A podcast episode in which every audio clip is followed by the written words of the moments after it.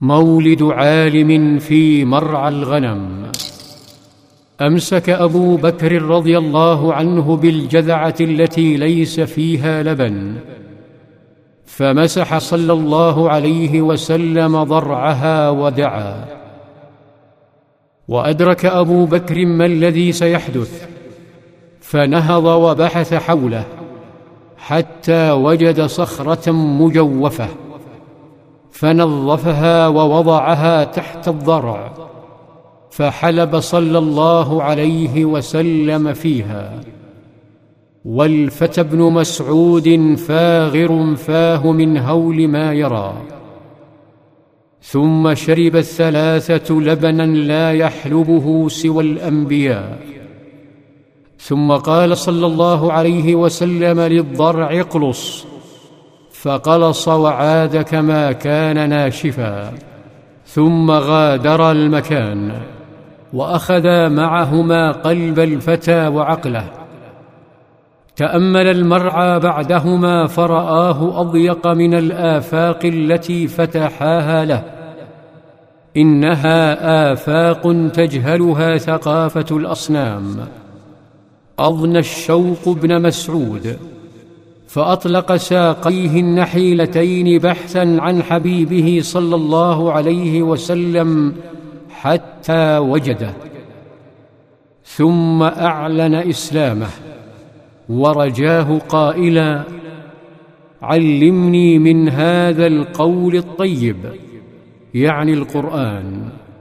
فقال صلى الله عليه وسلم إنك غلام معلم. كلمات تشجيع قليلة ولكنها أذكت عقل الفتى وذاكرته لتبشر بمولد عالم. يتحدث ابن مسعود عن بداياته فيقول فأخذت من فيه صلى الله عليه وسلم سبعين سورة ما ينازعني فيها أحد. يعلم سيده عقبة بن أبي معيط بأمره فيجن جنونه ويخبر أبا جهل فيلقاه أبو جهل في أحد الطرقات فيتفنن في ضرب وركل ذلك الجسد النحيل ثم يتركه جثة من الألم والأنين. أما عقبة فيصل به الجنون إلى محاولة اغتيال النبي صلى الله عليه وسلم. ثمة طفل وديع اسمه عبد الله بن عمرو بن العاص. جالس عند الكعبة يشاهد منظرا أفزعه. أقبل عقبة بن أبي معيط وحوله زبانيته. فباغت النبي صلى الله عليه وسلم. باغته كالغدر من الخلف ثم وثب عليه ولوى ثوبه في عنقه فخنقه خنقا شديدا. ونبي الله يقاوم يريد الخلاص. فقام شخص بإخبار أبي بكر فأقبل يركض غاضبا. فشق الجمع وقفز على كتفي عقبة ودفعه بكل قواه حتى تدحرج وأنقذ نبيه صلى الله عليه وسلم.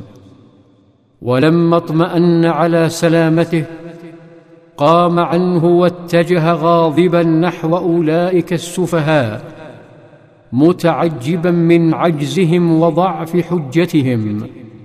وصاح بهم. أتقتلون رجلا أن يقول ربي الله؟ وقد جاءكم بالبينات من ربكم. عاد الحبيب صلى الله عليه وسلم إلى خديجة فدمعت عيناها ودمعت عيون بناته فقد آلت الأمور إلى الاغتيال. يشاهده ابنه زيد فيتمنى لو أزال حزنه أو خففه.